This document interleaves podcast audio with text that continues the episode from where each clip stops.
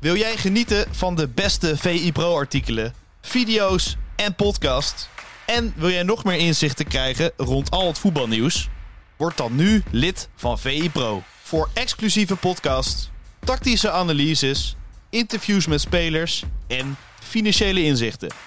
Ga nu naar vi.nl slash zsmpro voor de scherpste aanbieding.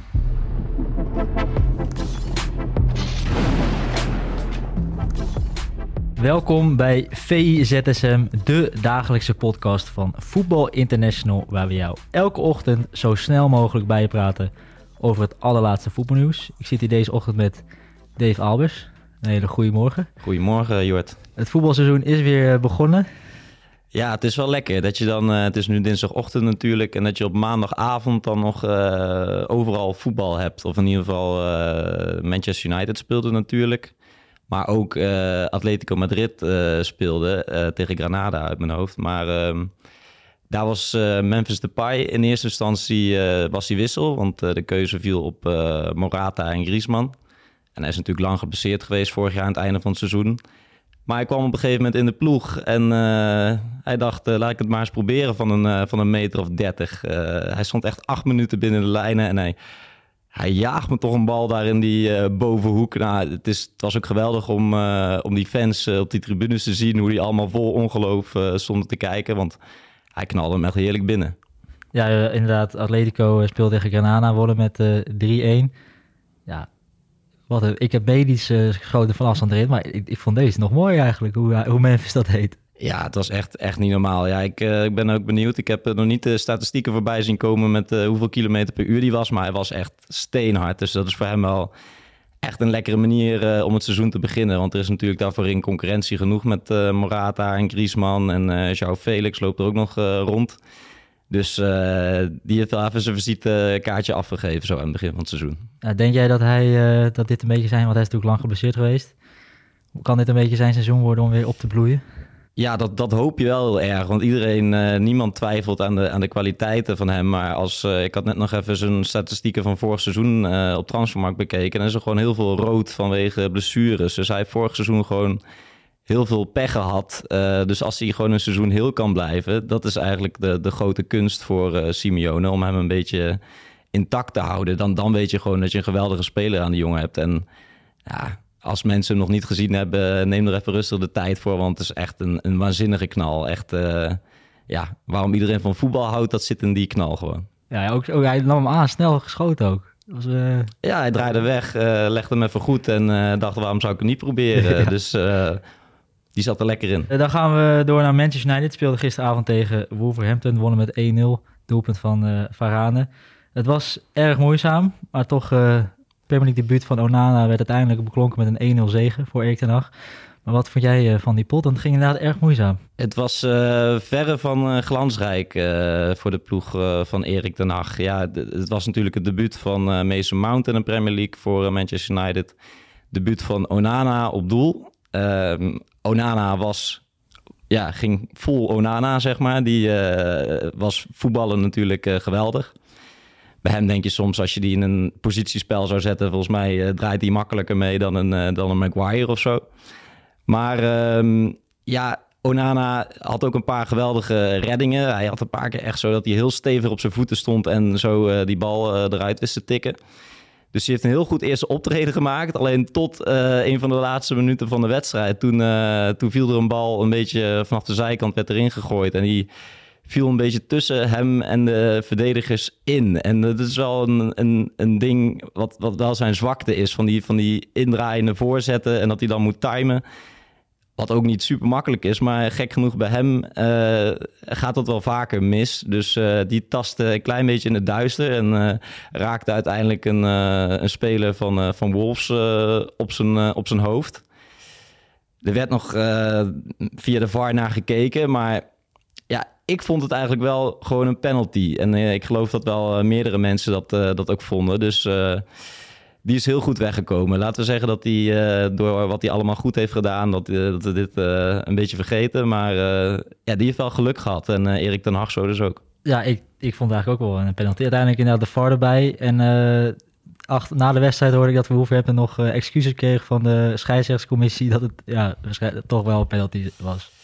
Ja, dus dat zegt wel een hoop. Dat er in ieder geval een hoop uh, twijfel was. Ik heb ook al mensen gehoord die het geen uh, penalty vonden. Maar uh, ja, die is heel, heel goed weggekomen.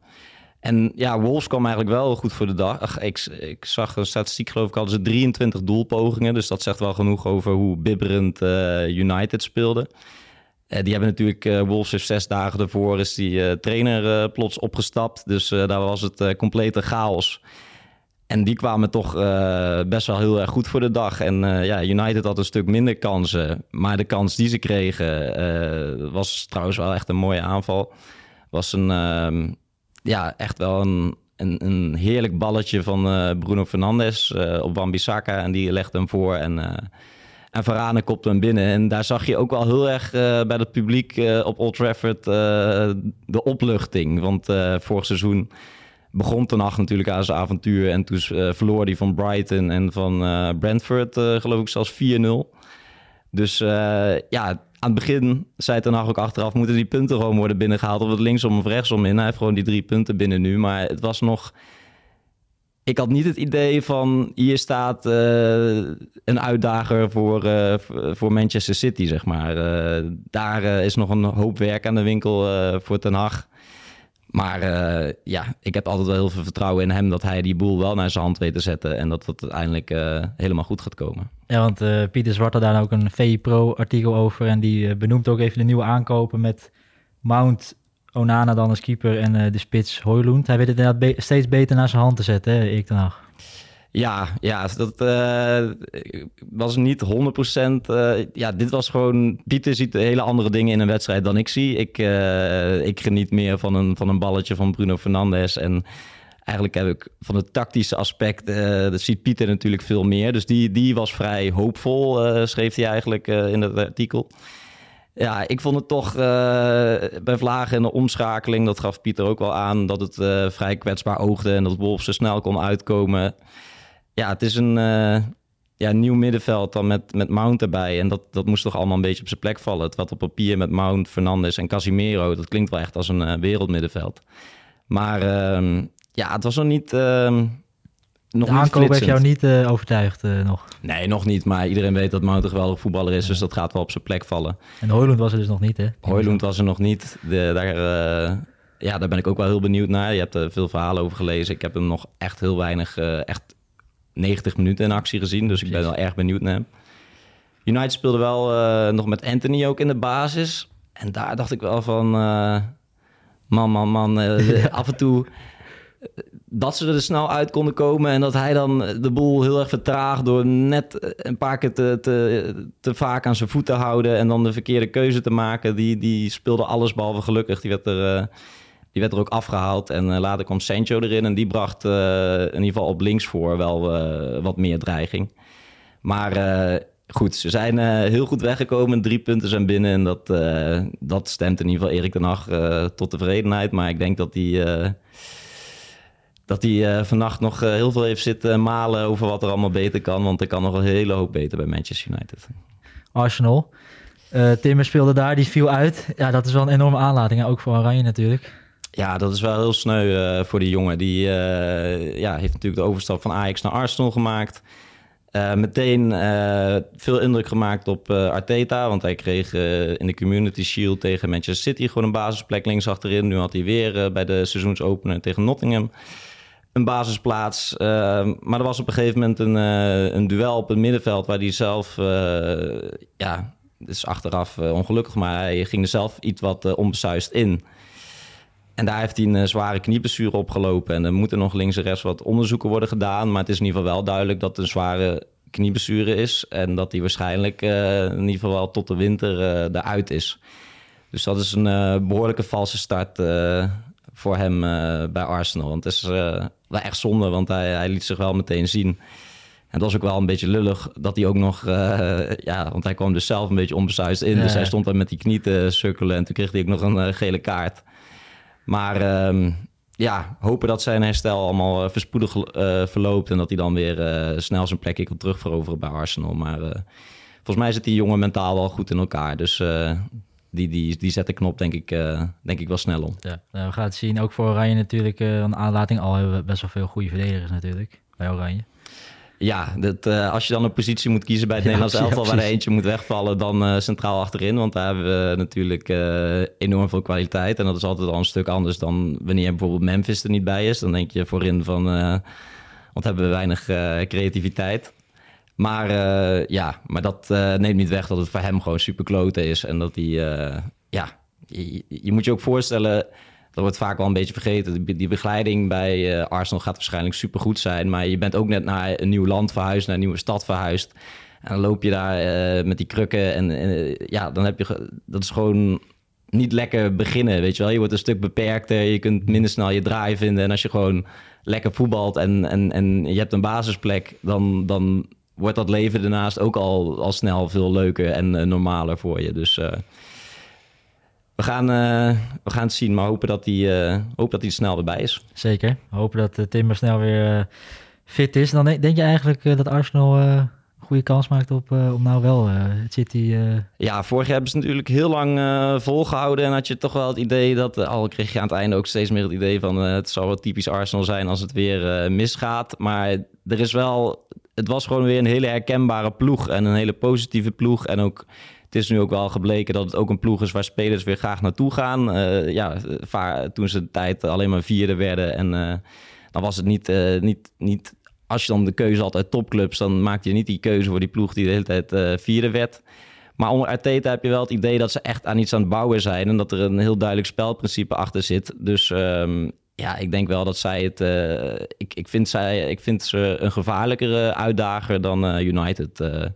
wat ik gisteren heb gezien. Maar je weet het nooit met eh Erik ten Hag. ja, ja, Erik ten Hag, dat is natuurlijk... Die kan het ook altijd met eh, goede ideeën komen natuurlijk. Ja, zo is het. Dus eh, het wordt, ze hebben in ieder geval allemaal drie punten gepakt, de, de topploegen. Dus ehm, ja, we gaan het zien. Het is in ieder geval lekker dat het weer begonnen is. Ja, zeker met City natuurlijk trouwens. Die, die hebben Haaland. Die, die heeft twee kansen. Die raakt die bal twee keer. Die schiet bal twee keer ook vol Die, die heeft geen moeite met even warm draaien in het nieuwe seizoen. Dus dat, eh, dat is wel een fenomeen natuurlijk. Ja, precies. Nou goed. Eh, dan even naar eh, een ander VI Pro-artikel van Stef de Bond. Die, ja, Ajax heeft natuurlijk nog versterking nodig. Zeker achterin. Met nu dan die eh versterking die nu hopelijk die ze weten binnen te halen met Sutalo eventueel of Ito. En Tagliafico wordt ook genoemd.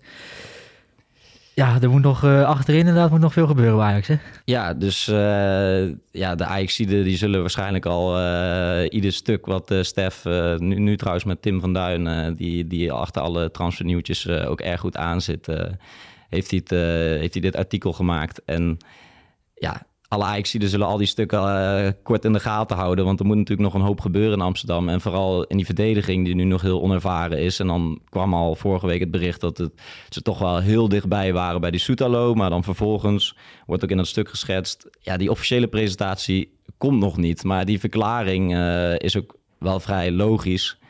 Want eh Dynamo wil nog dat hij meespeelt in de Champions League potjes tegen AEK Athene. Eh voor de Champions League. En dat is vanavond en zaterdag. Dus ehm, daar moet hij gewoon, die moet hij nog spelen. Maar hij moet daar natuurlijk wel fit uitkomen. Ik kan niet, Ajax kan hem nu wel gaan presenteren. En eh, weet ik veel hoeveel miljoen het was. eh, volgens mij 20 plus. Eh, maar als hij dan, eh, dat, eh, stel hij loopt een eh, ernstige knieblessure op in een van die wedstrijden, ja, dan heb je natuurlijk een, veel te veel uitgegeven. Dus ze wachten gewoon op die twee wedstrijden en dan heeft het alle schijn van dat hij daarna gepresenteerd wordt. Al hield Stef ook wel een slag om de arm, omdat er ook nog andere kapers op de kust zijn. Eh Napoli en Fiorentina. Dus er werd nog wel een kleine slag om de arm gehouden met ideeën dat hij komt. Maar er staat ook duidelijk in een stuk... Ajax wil in ieder geval twee eh, defensieve versterkingen. En het liefst een rechtsbenige en een linksbenige verdediger. Eh, linksbenige verdediger zou dan die Ito zijn eh, van Stuttgart. Maar daar, eh, dat, die naam horen we ook al vrij lang. Dat komt, eh, komt ook niet helemaal rond. En eh gisteren eh, kwam dan het nieuws naar buiten dat ook eh Tagliafico... Ja, vond ik een redelijk opvallende naam. Redelijk opvallende naam, eh, maar hij is wel super populair natuurlijk bij het eh, Ajax-publiek. Eh, die, die, in die tijd had Ajax echt dat nodig, weet je wel. Die bracht echt die grinta erin en die was, was geweldig ook. Dus volgens mij zien veel Ajax-toeschouwers hem graag komen. Hij is, nu, hij is nu 30, dus ook weer niet heel oud. Maar een beetje het ding is, um, je hebt Hato links centraal achterin. En als je Ito erbij haalt, dan kan eventueel Hato is dan een optie voor links centraal achterin en voor linksback.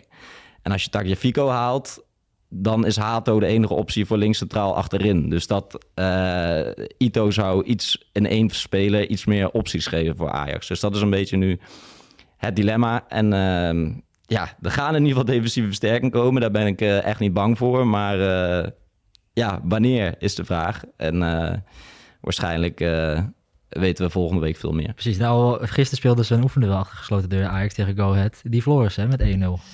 Dus dat, dat, ja. terwijl, terwijl, Go Ahead niet helemaal, want die speelde natuurlijk de dag ervoor tegen AZ. Dus het waren niet de, de, de basisopstelling, zeg maar. En Ajax speelde gewoon met Berghuis, zag ik staan. Natuurlijk die een fout maakte dan, las ik op v.nl. Ja.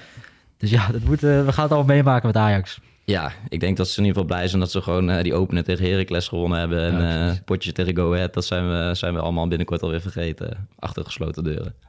ja, precies. Dan gaan we even, want jij bent natuurlijk onze man van de achtergrondverhalen. En uh, voor mij komt, komt er weer genoeg nieuws aan. Ja, dit, uh, er komt in ieder geval donderdag een verhaal op VI Pro. Dat ligt woensdag ook in, in, in, de winkels, want het staat ook in het blad. Dat is een verhaal over Reda Boeltam. En Reda, dat is een jongen die in de jeugdopleiding van Ajax speelde. Maar die, um, die zeg maar, die was de generatie van Timothy Fosu Mensa en Karel Eiting. En bij Jong Ajax speelde hij ook samen met, uh, met Frenkie, die, uh, van de, uh, Frenkie de Jong, Donny van der Beek. Uh, Abdalek Nouri ook in die tijd natuurlijk. Um, ja, maar veel van de jongens zijn doorgestoten naar de top. Ook Matthijs de Licht zit daar natuurlijk wel qua leeftijd iets onder. Maar veel van die gasten zijn doorgestoten naar de top. Maar dat is natuurlijk niet voor iedereen die in zo'n jong elftal speelt weggelegd. Want hij beschreef dat zelf ook wel mooi. Van ja, als je jeugdspeler van Ajax bent, dan, dan denk je zelf ook dat je een hele natuurlijke opbouw van je carrière gaat hebben. Ik ga je doorbreken in de Amsterdam Arena. Ik ga vervolgens mijn debuut maken in het Nederlands elftal. En dan koopt Barcelona me. Ja. Maar goed, ja, niet iedere jeugdspeler van Ajax kan natuurlijk bij Barcelona of Real Madrid eindigen, zei hij zelf ook. Dus die heeft een heel andere pad bewandeld. Hij is uh, op zijn twintigste al uh, naar Italië gegaan, naar de, naar de Serie B. En eigenlijk heeft hij sindsdien heeft hij al vier verschillende clubs in Italië gehad en één club in Kroatië. En daar, vooral in Italië, in die Serie B, ja, dat is dat is altijd wel een competitie waar je weet waar een hoop gebeurt, zeg maar. Als je het hebt uh, over uh, driftige voorzitters en uh, emotionele Italianen, dan dat clichébeeld klopt daar vaak wel. Zij heeft een keer meegemaakt dat er een, voorzitter in de rustekleedkamer binnenkwam die boos was en gewoon een, een vat Red Bull door, de, door, de, door een ruit smeet. En hij heeft later bij een andere club, bij Concenza uit mijn hoofd, heeft hij ook weer meegemaakt dat er dan een trainer kwam en die had hij eerder al gehad en dan was er niet helemaal mee geboterd. Had het niet mee geboterd. En dan moet hij gewoon anderhalve maand uh, in zijn eentje een beetje, een beetje rondjes lopen en op doel schieten. Dus kijk, ja, dat is ook een weg die je kunt lopen als je in de jeugd van uh, Ajax hebt gespeeld. En hij was daar heel uh, nuchter in. En hij is daar een, een, een sterke mens van geworden wel. En hij speelt nu bij Salernitana. Dus hij zit nu in de voorbereiding op het, op het nieuwe Serie A seizoen. Maar hij is al twee keer verhuurd en hij had zelf niet echt het idee dat hij echt uh, daar uh, echt kansen ging krijgen. Dus hij hoopt een beetje op een, uh, op een kans bij een andere club. wellicht in Nederland. Um, ja, hij komt zelf uit Almere, dus misschien, misschien dat dat nog... dat noemde hij zelf niet hoor, maar misschien dat dat een clubje zou kunnen zijn. Dat, dat met zo'n jongen die toch veel ervaring heeft opgedaan in Serie B en, en in Kroatië. Dus um, ja, die is compleet uit beeld verdwenen in Nederland. Maar ja, die gasten maken ook uh, van alles mee. En uh, hij is nu 25 en hij hoopt nog, uh, nog de komende jaren keihard te knallen. Dus ja, ik ben benieuwd. Je hebt hem ook nooit echt in een eerste elftal in Nederland gezien. Dus, ik heb nog even die naam gehoord in ieder geval. Dus nee. heel nieuwsgierig. En zo zijn er heel veel van die, van die ja, niet alleen voor Ajax natuurlijk, maar jeugdspelers die dan net niet die stap maken en die dan een hele andere weg bewandelen. En vaak zijn die wegen interessanter dan die weg uh, recht uh, naar de top. Iedereen zou natuurlijk zelf tekenen voor die, uh, voor die logische route in Nederland zelf al Barcelona. Maar... Dat is inderdaad de verhaal die we allemaal kennen. Precies, maar die verhalen die daar een beetje in die onderlaag zitten, die zijn vaak wel interessant. Dus ehm, dat komt donderdag op VI Pro. En eh, verder ben ik nog wel met wat meer dingen bezig, maar dat eh, komt van het weekend. En woensdag in het blad dus. Hij woensdag in het blad. En wij Heel zitten donderdag weer hier, dus dan, eh, dan, zal, dan zal ik de rest voor het weekend eh, even eh, geur en kleur vertellen. Oh, heel, heel goed, heel goed. Nou, dan eindig ik even met eh, vanavond speelt PSV tegen Sturm Gras uit. Staan 4-1 voor. Ja, dat moet, eh, dat 1-1 is 2-1. Die moeten toch doorgaan, lijkt me. Er zijn gekke dingen gebeurd in het voetbal, hè? Nee, ik, eh, Peter Bos zal waarschijnlijk zeggen... kritisch, we, we moeten ze niet onderschatten en moeten scherp blijven. Is natuurlijk zo. Je moet gewoon even het eerste, eerste half uur goed doorkomen... en dan is er in principe niks aan de hand. Want eh, thuis speelden ze echt helemaal van de mat. Eh, dus eh het lijkt me een, eh, een eh, formaliteit. En dan eh, gaan ze door naar de, naar de volgende ronde. Dus eh, ja, mensen kunnen vanavond inschakelen. Maar het- ik denk dat het niet, niet super spannend gaat worden. Maar dat is eh, goed nieuws voor eh, PSV-supporters, denk ik. Het gaat niet kolken in Oostende, jij. Het staat. Nee, het wordt, niet, eh, het wordt misschien heet, maar eh, alleen de Noah Lang. Maar eh, Oh ja. het, eh, het, gaat niet, eh, het wordt niet, niet super spannend meer natuurlijk. Dan wil ik jou bedanken voor deze ZSM. En dan zeg ik tot ZSM. Tot ZSM. Wil jij genieten van de beste VI Pro artikelen, video's en podcast? En wil jij nog meer inzichten krijgen rond al het voetbalnieuws? Word dan nu lid van VI Pro. Voor exclusieve podcasts, tactische analyses, interviews met spelers en financiële inzichten. Ga nu naar vi.nl slash zsmpro voor de scherpste aanbieding.